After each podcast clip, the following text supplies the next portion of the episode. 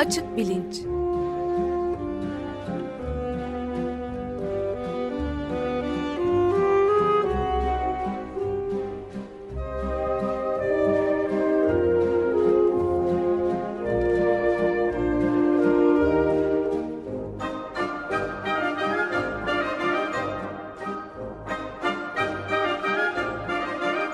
Güven Güzeldere ile bilim ve felsefe sohbetleri. Günaydın Güven Bey, merhabalar. Günaydın Ömer Bey. Günaydın Güven Bey, merhaba. Günaydın Can. İyi yıllar, yeni yılımız ilk programında daha iyi geçmesini dileyelim. Evet, Açık Bilinc'in 2019'daki ilk programı ben de sizin ve bütün dinleyenlerin e, yeni yılını kutluyorum. Daha güzel bir e, 2019 yılı diliyorum. Evet, mutlu yıllar. Hep birlikte e, şimdi mutlu yıllar e, demişken e, mutluluk üstüne bir şeyler e, konuşalım bugün diye düşündüm. E, Harvard Üniversitesi Tıp Fakültesi'nde e, yaklaşık 80 senedir aslında bu sene itibariyle 81 oldu. 1938'den itibaren yürütülen bir çalışma var. E, mutluluk e, üstüne biraz bu çalışmadan bahsetmek istiyorum. Hı hı. E, şimdi bir çalışmanın e, 81 yıldır sürüyor olması bir kere kendi başına çok etkileyici bir şey. Yani e, kurumsal bir kalıcılık ve süreklilik gösteriyor. 3-4 tane direktörü olmuş çünkü işte birisini direktör atıyorlar 15 sene sürdürdükten sonra araştırmayı emekli oluyor ya da vefat ediyor bu kişi yerine başka birisi geliyor sonra birisi geliyor bilgiler ve metotlar e, elden ele e, geçirilerek böylece 81 seneyi tamamlamışlar e, her çalışmada e, böyle boylamsal denilen, longitudinal e, deniliyor bu tür çalışmalara. E, araştırmalar yapmak gerekmiyor ama bazıları için gerekiyor. Çünkü mutluluk aslında bu çalışmanın sonuçları da gösteriyor ki e, kısa anlara sağan e, bir şey değil, e, uzun dönemli ancak e, kendini gösterebilen e, bir fenomen e, bunun da e, çalışmasını yapmak için dolayısıyla insanları e, hayatları boyunca takip etmek e, gerekiyor. Bu çalışmanın yapmaya çalıştığı şey de o. E, bir başka boylamsal çalışmadan daha önceki programlarda bahsetmiştik. Kurabiye deneyi diye geçiyor. İşte 3-4-5 yaşındaki çocukların e, ikinci bir kurabiyeyi almak için birincisini yemeden bekleyip bekleyemediklerini ölçen bir çalışmaydı. Bu çalışmanın da en çarpıcı tarafı bu çocukların işte 30'lu 40'lı 50'li yaşlara geldikleri zaman e, hayatta sağlık açısından, mutluluk açısından, başarı açısından nerede olduklarını ölçmesi ve bunu bu 3 yaşında ya da 4 yaşında e, geçtikleri sınavın sonucuna bağlamasıydı. Bu da boylamsal bir çalışmaydı. Bu tür çalışmalar zorunlu olarak boylamsal olmak zorunda. E, ama her halükarda 81 sene bir çalışmayı sürdürebilmiş olmayı ben doğrusu etkileyici buluyorum. Şu aralarda aslında bu çalışma daha da devam etsin mi e, diye bir takım e, tartışmalar var. Devam etmesi için işte hem okulun e, para yatırmaya devam etmesi Harvard Üniversitesi Tıp Fakültesi'nin gerekiyor. Hem e, Ulusal Sağlık Enstitüsü'nden e, fon alıyorlar. O fonun e, yenilenmesi gerekiyor değer mi değmez mi filan e, böyle şeyler tartışılıyor. E, böyle şeyler tartışılıyor kısmen e, şundan da bu araştırmanın ilk denekleri ilk başladığı zaman 1938 senesinde e, Harvard Üniversitesi'nden 268 tane seçilmiş olan ikinci sınıf öğrencisi.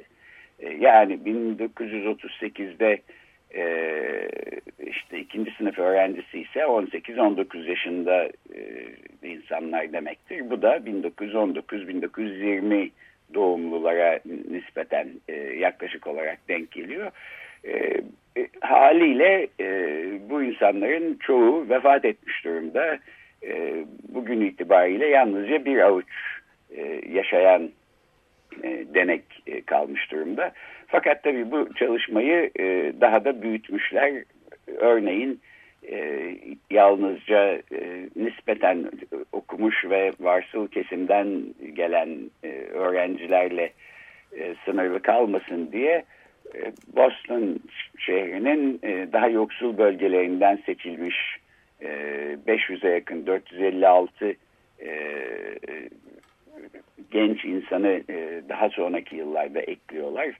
E, 1930'larda Harvard Üniversitesi'nin e, ana kolejinde yani lisans eğitimi veren e, kurumda yalnızca erkek öğrenciler olduğu için kız öğrencilere e, orada okumak izni verilmediği için bu çalışma yalnız erkek öğrencilerle başlamış oluyor.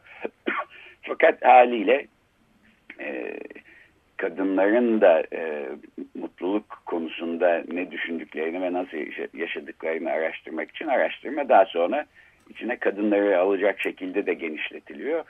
E, dolayısıyla aslında bu 268 e, kişiyle başlayan çalışma 81 yıl boyunca e, yüzleri hatta binleri e, bulan e, geniş bir çalışma haline geliyor. E, Genel, en az 3 kuşağı da e, kapsıyor hatta 4'e yakın değil mi? Yaklaşık 20 20-25 e, yaşı bir kuşak sayarsak müthiş bir evet. benzeri var mı pek bilmiyorum yani. Benim bildiğim bu uzunlukta bir boylamsal çalışma dünyada yok ve e, yani kuşaktan kastımızda anne babalar ve çocukları ve onların çocukları filan diye bakıyorsak evet, e, evet. 3-4 kuşağı e, kapsıyor gerçekten. E, şimdi belki e, mutluluk nedir? Bununla başlamakta fayda olabilir. E, çalışmanın e, sonuçlarına e, bakmadan önce e, burada metodolojik bir takım e, sorular ve sorunlar da var. Yani bir e, mutluluk nedir? Biz neyi ölçüyoruz? Böyle bir çalışma yapmak e, isteyenler neyi ölçüyor? İkincisi nasıl ölçüyor? Ne şekilde bunu ölçmek mümkün? Bunları niye söylüyorum? Çünkü örneğin mutluluk üstüne başka anketler de yapılıyor. Bunu biliyoruz. 2012'den beri mesela Birleşmiş Milletler bir Dünya Mutluluk Raporu diye bir rapor yayınlıyor her sene. İşte en sonuncusu 2018 senesinde yayınlanmıştı. Ee, burada belki bir takım beklenilecek sonuçlar e, bulmak mümkün.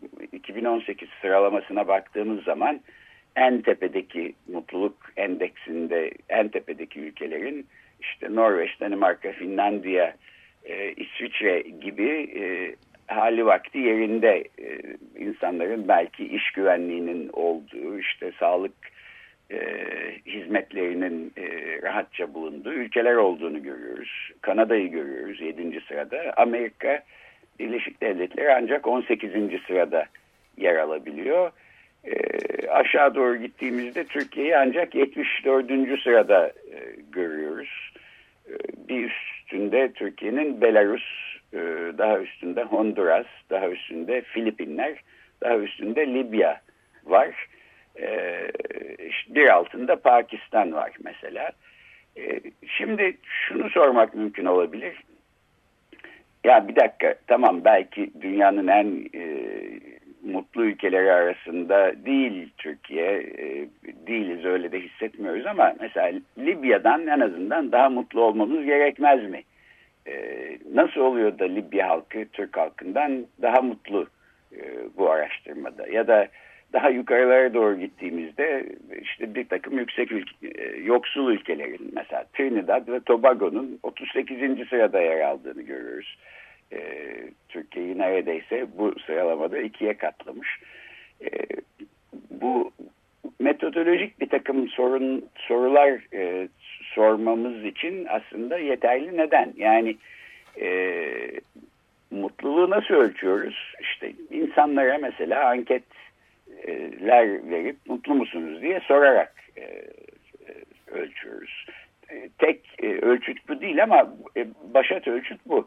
E, fakat burada e, insanlara mutlu musunuz diye sorup bunun cevaplarını veri olarak aldığımızda mutluluğu ölçüyor da olabiliriz. Ya da belki insanların o içinde bulundukları kültürde e, bu soruya evet mutluyum ya da e, işte hayatımdan memnunum, e, idare ediyoruz Allah şükür filan deme eğilimini ölçüyor da olabiliriz. E, yani bu eğilimin ötesinde aslında belki o kadar da mutlu değilim diyen insanlar aslında daha mutlu olabilirler. E, idare ediyoruz diyenler daha mutsuz olabilirler. E, bu ayrımı yapmak e, güç. E, psikolojide de zaten biliyoruz insanların bilinçli olarak kendileri hakkındaki söylediği her şey e, doğru olmak durumunda değil. Bilinç dışında e, var olan ve insanların aslında belki kendi farkındalıklarının dışında yer alan ama kendi psikolojilerini belirleyen bir takım unsurlar da var. Dolayısıyla burada karmaşık bir şeye baktığımız açık. E, bu yüzden de aslında bu çalışmayı boylamsal yapmak ve olabildiğince çeşitli e, hayatın çeşitli alanlarına dair soruları e, işte her yıl her yıl bu Harvard çalışması mesela iki senede bir denekleri bir araya getirip anketler yaptırarak e, yürütülüyor. E, olabildiğince büyük bir e, veri havuzunda e, havuzundan bir takım sonuçlar çıkartmaya çalışmak önemli. E, bir başka metodolojik sorun e, nedensellikle bağlantısallık arasında yani e, işte bu causation denilen bir şeyin bir başka şeye, bir olayın bir başka olaya neden olmasıyla İlliyet. bir olayla diğer e, pardon duyamadım. E, illiyet rabıtası dedikleri yani evet. Evet, evet. yani bir olayla bir başkası arasında mesela rastlantısal bir bağlantı olması ama aralarında bir nedensellik ilişkisi bulunmaması. Şimdi bu Harvard çalışmasında mesela mutluluğun yüksekliğiyle sağlığın iyiliği arasında bir bağlantı olduğu e, ortaya çıkıyor.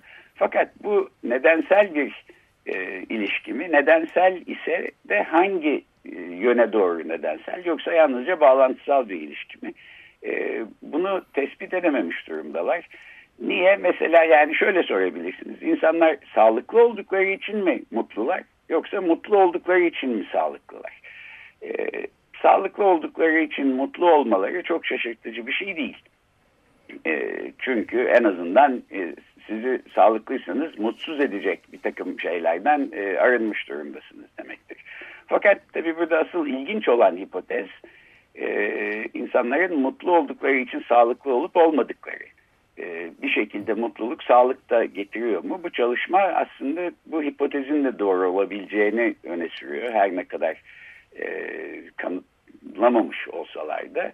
E, onu da şöyle bir akıl yürütmeye dayandırıyorlar.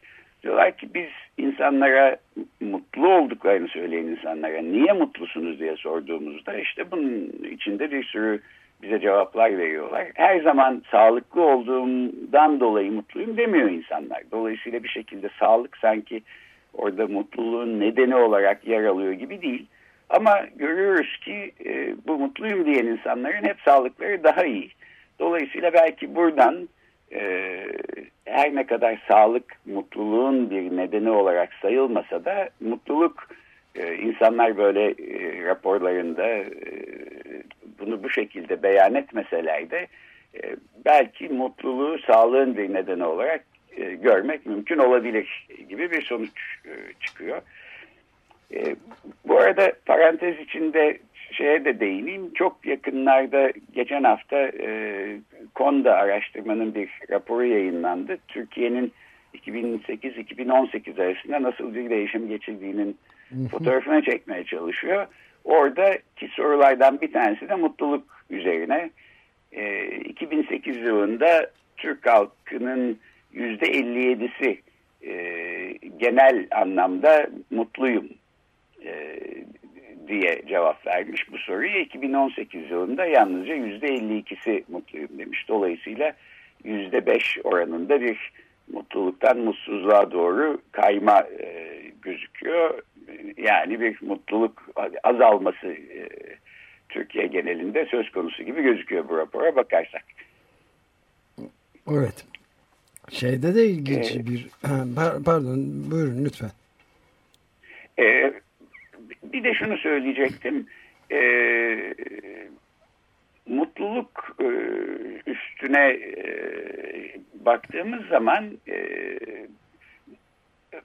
mutluluğun öte tarafında yer alan ya da e, mutluluğu engelleyen ya da altına oyan e, unsurlar ne diye sormak mümkün. Bu e, Harvard çalışmasında e, açık seçik bir şekilde özellikle peşinden gidilen bir soru değil ama mutluluk literatüründe böyle şeyler e, görmek mümkün oluyor. Burada da mesela belirsizlik ve korkunun e, mutluluğun altına oyan önemli unsurlardan bir tanesi olduğunu düşünüyorum. Bu fikir de bana aslında insanda beyin belirsizlik ve korkuya nasıl tepki veriyor e, bu literatüre bakma isteği uyandırdı. Gelecek hafta da aslında bu mutluluk programını böyle beyin ve belirsizlik korku üstüne yani eksinin öbür kutbuna bakarak e, yapmaya karar verdim. E, şimdi şöyle iki soruyla aslında Harvard çalışmasının detaylarından da biraz bahsetmek istiyorum ama şöyle iki soruyla e, küçük bir e, ara vermiş olalım. E, mutluluk üzerine benim gittiğim işte katıldığım birkaç akademik konferansta bu hep yapılan bir şey. E, konuşmayı veren e, kişi bir noktada seyircilere dönüp şöyle bir şey sorabiliyor. Diyor ki işte hani makul bir ölçüde mutlu insanlar olduğunuzu e, varsayalım. Mutsuzsanız zaten herhalde daha mutlu olmak isteyeceksiniz ama diyelim zaten makul ölçüde mutlusunuz. E, işte idare ediyorsunuz neyse. Kim e, aranızdan şu anda olduğundan bir parça daha mutlu olmak ister? Birinci soru bu. Ben de size sormuş olayım aslında. Şu anda olduğunuz halden biraz daha mutlu olmak ister miydiniz? Ben, ben, evet ben. Ben, ben istiyorum. ben de isterdim doğrusu, evet. Evet. Evet, bu soruya herkes evet diyor. Öyle yani mutluluk buradan şu çıkıyor. Ee, belki bir e, süreklilik içeren bir skalada mutluluğu ölçmek lazım. Yani mutluyum, mutsuzum gibi değil. işte hani belki şu kadar mutluyum. Ve her ne kadar mutluysak ondan bir parça daha mutlu olmayı herkes istiyor. Yani son limitine varmamış olduğumuz bir şey mutluluk ve bir parça daha mutlu olmak e, kötü bir şey değil. Herkesin isteyeceği bir şey. E, peki ben ama buna şöyle bir ikinci soruyla devam edeyim. O zaman e, bu ikinci soru aslında e, bu katıldığım konferanslarda rastladığım bir şey değil. E, benim üstünde daha sonra düşündüğüm bir şey. E, her zaman çok mutlu olmak ister miydiniz ya da ister misiniz? Her Böyle zaman. bir imkan. Evet, evet, Evet, her zaman, yani her zaman, bir- her zaman istiyorum. her zaman çok mutlu olmak istiyorum. o gün bugün o hapı yuttuğun zaman mutlu can olacaksın. ve Haplı mı? ondan sonra hep mutlu can olacaksın. Haplı mı olacağım? Hatta- hatta- Haplı mutlu can. Hatta evet e, ve tek bir hap bütün hayatın boyunca seni hatta çok mutlu can e, yapacak. İster misin böyle bir şey? Yani Güven Bey bu söylediğiniz ütopik bir şey değil. Bu birincisi. ikincisi isterim tabii ki. Neden istemiyorum? Ama yani bağımlılık yaratmayacak değil mi bu hap? Yani almadığım zaman direkt mutsuz mu olacağım? Hayır hayır bir kez alıyorsun hapı hayatta ondan sonra hep çok mutlu oluyorsun. Süper. Her, her şey her şekilde mutluyum böyle. Evet. Yani Evet. böyle şey olsun böyle ne bileyim trafik kazası geçirdim. Kolum koptu. Gene mutluyum. Böyle şeylerde. E, aynen. Aynen. Güzel. Şimdi aslında e, bu hapı almamak için bazı nedenler olabilir. Oraya doğru gitmeye başladın bu Evet. düşünceyle Can. E, Trafik kazası. yani her an mutlu olmak aslında o kadar hoş bir şey olmayabilir. Diyelim e, işte sevdiğiniz bir insanın başına kötü bir şey geldi. E, gidip görüşüyorsunuz. E, haliyle mutlu olmamanız lazım. Evet, mutsuz kahkahadan kırılıyorsunuz. Evet fakat e, mutluluktan uçuyorsunuz Evet. yani bu durumda bile e, bu herhalde çok sinir bozucu bir şey olurdu. Hem başka insanlar Bunu için hap- hem insanın Hap yerine böyle bir uzaktan kumanda ya da böyle bir e, açılıp kapanıp bir şey Evet. olsa olmaz mı? Robocan. Ke- kendimi Evet. böyle arttırsam, azaltsam, devam etse, e, dursa. doğru en en iyisi o olurdu. Kontrol fakat bende olsun yani. teknolojimiz e, buna imkan vermiyor. Hap var E, bu diyorsunuz. düşünce deneyimiz tek bir sefer e, Evet. bu hapı alıp alamayacağını soruyordu. Buradan da fakat şu sonuç çıkıyor yani mutluluk e, istenilen bir şey biraz daha çok mutlu olmak hepimizin istediği bir şey ama her an çok mutlu olmak da aslında belki gerçekçi hatta istenilir bir şey değil. Mutluluk e, sürekli olarak yüksek düzeyde sürdürülmesini isteyeceğimiz yani elimizde bu imkan olsa bile isteyeceğimiz bir şey değil. Bana en azından böyle gözüküyor.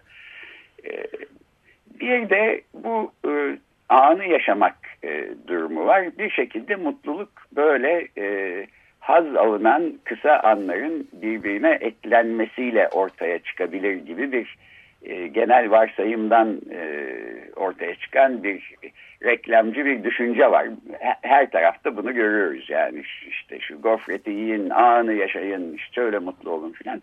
Bunun tabii Harvard çalışması da bunu e, aslında gösteriyor. Benim düşüncem de bu. Bu böyle e, kısa haz alınan anların birbirine bağlanmasıyla e, mutluluk denen şey oluşmuyor. Bu çok sığ anlamda e, belki ansal bir takım e, mutluluk hislerine sebep oluyor olabilir. Fakat e, bu anlamda da aslında mutluluğun ne olduğunu yaşını başına almış insanlara sormakta fayda var. Çünkü işte siz 18 yaşındayken ya da 30 yaşındayken e, hayatın geri kalanında mutluluğun ne şekilde e, şekilleneceğini haliyle bilemiyorsunuz. 85 e, yaşında bir kişiye sorup geriye doğru baktığınızda neyi yapardınız, neyi yapmazdınız e, şeklinde veriler toplandığında e, bence daha e, kayda değer ve e, aydınlatıcı bilgiler almak e, mümkün oluyor. Evet konuyla alakalı çok ufak ve alakasız belki de görülebilecek bir örnek verebilir miyim müsaadenizle son dakikalarımızın içine doğru evet, girmekteyken. Evet. Yani Avrupalı faşistleri mutlu edecek bir haberim var aslında benim. Ee, Avrupa'daki aşırı sağcıları da aynı zamanda. 2018 yılında açıklandığı üzere Birleşmiş Milletler tarafından e, Yemen'e giden mülteci sayısı Avrupa'ya giden mülteci sayısından daha fazlaymış. Bunu biliyor muydunuz? Yani Yemen'deki insanları biz genellikle haberlerde mutsuz, açlık içinde kolerayla savaşan, aynı zamanda bomba, tepesine bombalar yani insanlar olarak biliyoruz ve bu şekilde anlatıyoruz. Durum da bu şekilde aynı zamanda. Ama buradaki insanların mutsuz olarak nitelendirdiğimiz durumu yaşamak için Afrika'nın Etiyopya, Somali gibi bölgelerinden gidip o bölgeye geçenler ve oradan farklı alanlara geçip farklı hayatlar bulabilmek için yollarda ölenler, açlıkta karşı karşıya gelenler, susuzlukta karşı karşıya gelenler, hatta tecavüze uğrayan insanlardan bahsediliyor. Yani mutluluk da mutsuzluk da biraz bir göreceli kavramlar olarak görülebilir şu anda oturduğumuz yerden baktığımız haberler doğrultusunda diye düşünüyorum. Evet.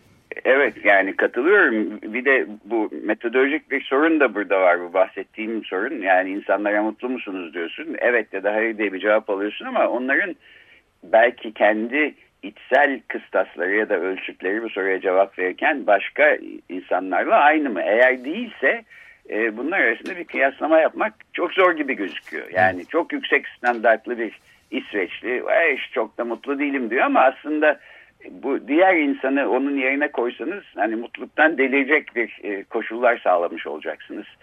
E, bu sebeplerle de bu dünya mutluluk endekslerini çıkartmak e, bana belki çok da akıllıca ya da çok da gerçekçi gelmiyor. Çok aydınlatıcı gelmiyor en azından.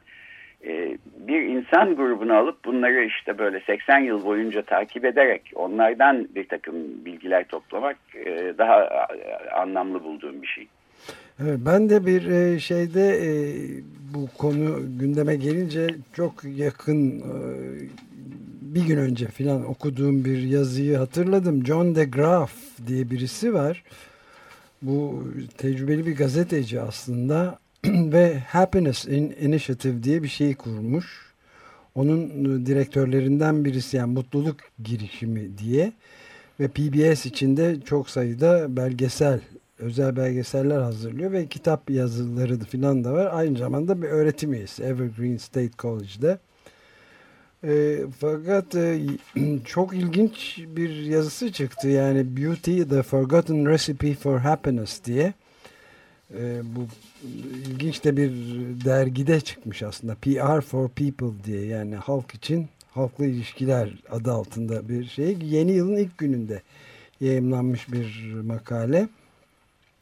Burada şeyi söylüyor. Yani beni yıllardan beri Oruç Aruba'ya da sorduğum ve meşgul eden bir soruyu estetikle etik arasındaki derin bağlantı konusunda ve mesela şeyden bahsediyor. Harvard e, felsefecilerinden Elaine Scarry'nin e, yani eli açıklık, şükran duyguları, tolerans, e, adalet e, tutkusu çok pozitif şeylerin e, uyandığını, güzellik e, şeyiyle, estetikle beraber yani bizim e, güzellik konusundaki duygumuzun harmoniye, uyuma bağlı olduğunu ve evrimsel bir gelişme olarak da kabul edilebileceğini söylüyormuş. Mesela Elaine Scarry'den bir alıntı yapıyor. Ve özellikle de mesela bu aynı zamanda ekolojiyle de çevreyle de çok yakından ilgili bir şey. Yani yaralanmış dünya yüzeylerinde harap olmuş şeylerde insana büyük mutsuzluk verilirken e, petrol kirlenmeleri işte bu maden alanları filan öte yandan yani yeryüzünün e, yeryüzünde açılmış yaralar gibi görülürken bu dünyanın daha böyle çok daha estetik olan yerleri hatta e, sonradan yapılsa bile bazı eski şehirlerinde Viyana'dan çok ilginç örnekler veriyor. İnsana mutluluk kattığının ölçülebildiğini söylüyor ve ilginç de bir şey mesela Hermann Knoflacher diye birisi Viyana'nın e, ulaşım sistemini kuran bir kişiden bahsediyor. Güzelliğin bir bate, batarya gibi olduğunu ve enerji verdiğini insanlara söylüyor ve kortizol seviyelerini yani stresi yükselten şeylerde yani stres şeyleri ile mutluluk arasında da çok kuvvetli seviyeleriyle bir ilişki var ve özellikle böyle çok yeşil çevreci güzel yerler estetik yapılarla doldurulduğu zaman ya kurulduğu kurgulandığı zaman şehir, şehirlerin ya bir park, bir meydan, işte kilise, cami, pazar yerleri filan gibi çok daha e, insanlar için mutluluk verici, turistler için olduğunu gösteren bir takım araştırmalardan bahsediyor. İlginç bir e, şey var yani bağlantıda. Evet. E, yani buradan da şu sonuç çıkıyor herhalde. Ee, insanların kişisel hayatlarına dair unsurların yanı sıra daha geniş e, işte çevreyle, iklimle, belki dünyayla e, etrafımızda gördüğümüz şeylerin estetiğiyle ilgili unsurlar da mutluluğa ya da mutsuzluğa katkı yapan şeyler. E, bence de çok doğru. E, Elaine Scarry bu arada çok, çok küçük bir düzeltme yapayım. E, edebiyat bölümünde, felsefe bölümünde değil ama felsefeci tarafları da olan e, bir kişidir. E, evet. E, ilginç bir düşünürdür. Ben de o zaman çok e, Harvard çalışmasına dair bir sonucu en temel sonucu e, söyleyerek bitireyim. Bu 1938'de e, biliyorsunuz bu dünyadaki büyük mali iflasın aslında e, son yılları biraz da bu çalışmaya bu sebeple başlıyorlar. Derin bir mutsuzluk söz konusuyken e, bu konu gündeme geliyor. E, bu Harvard öğrencilerine sorulduğu zaman siz gelecekte kendiniz için mutlu olmak için ne istiyorsunuz diye en tepede para kazanmak geliyor birincisi. ikincisi ünlü olmak diyorlar.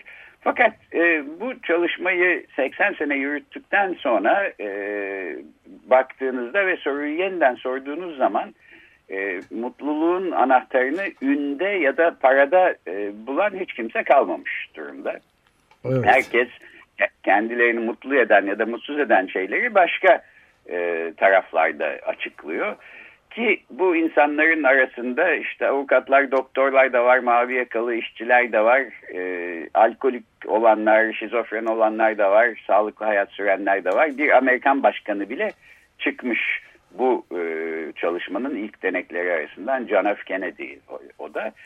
E, anahtar şöyle gibi gözüküyor. Herkes diyor ki mutluluk için aslında en temel ve en önemli unsur e, iyi ilişkiler sosyal bağlantılar. Evet. E, bu e, gerek sağlıklı, gerek uzun, gerek mutlu bir e, yaşamın bize hayattan tatmin almamızı e, sağlayan en önemli e, ögesi bu. E, yalnız olmamak, tek başına olmamak. Burada yalnızlıkların e, illa literal anlamda olduğunu da söylememek lazım. Çünkü bu e, araştırmanın sonuçlarından bir tanesi Mesela kötü evlilikleri sürdürmekte olan insanların boşanmış insanlardan kendilerini daha yalnız bahsediyor olmaları.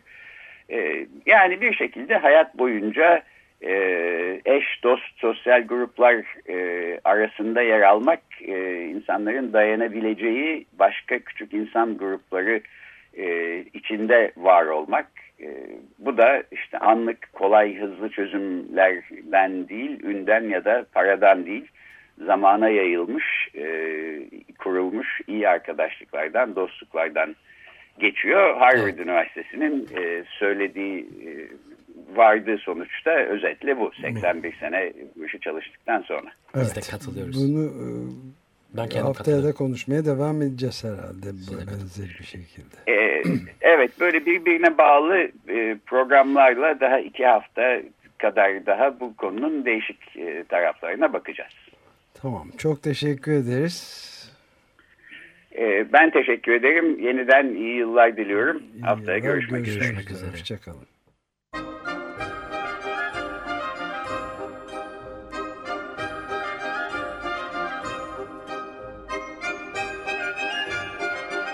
Açık Bilinç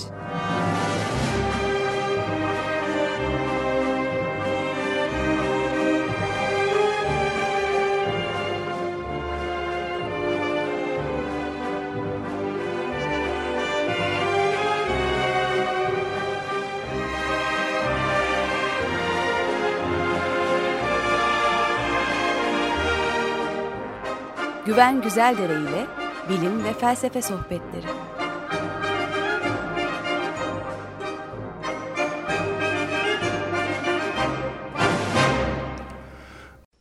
Açık Radyo program destekçisi olun. Bir veya daha fazla programa destek olmak için 212 alan koduyla 343 41 41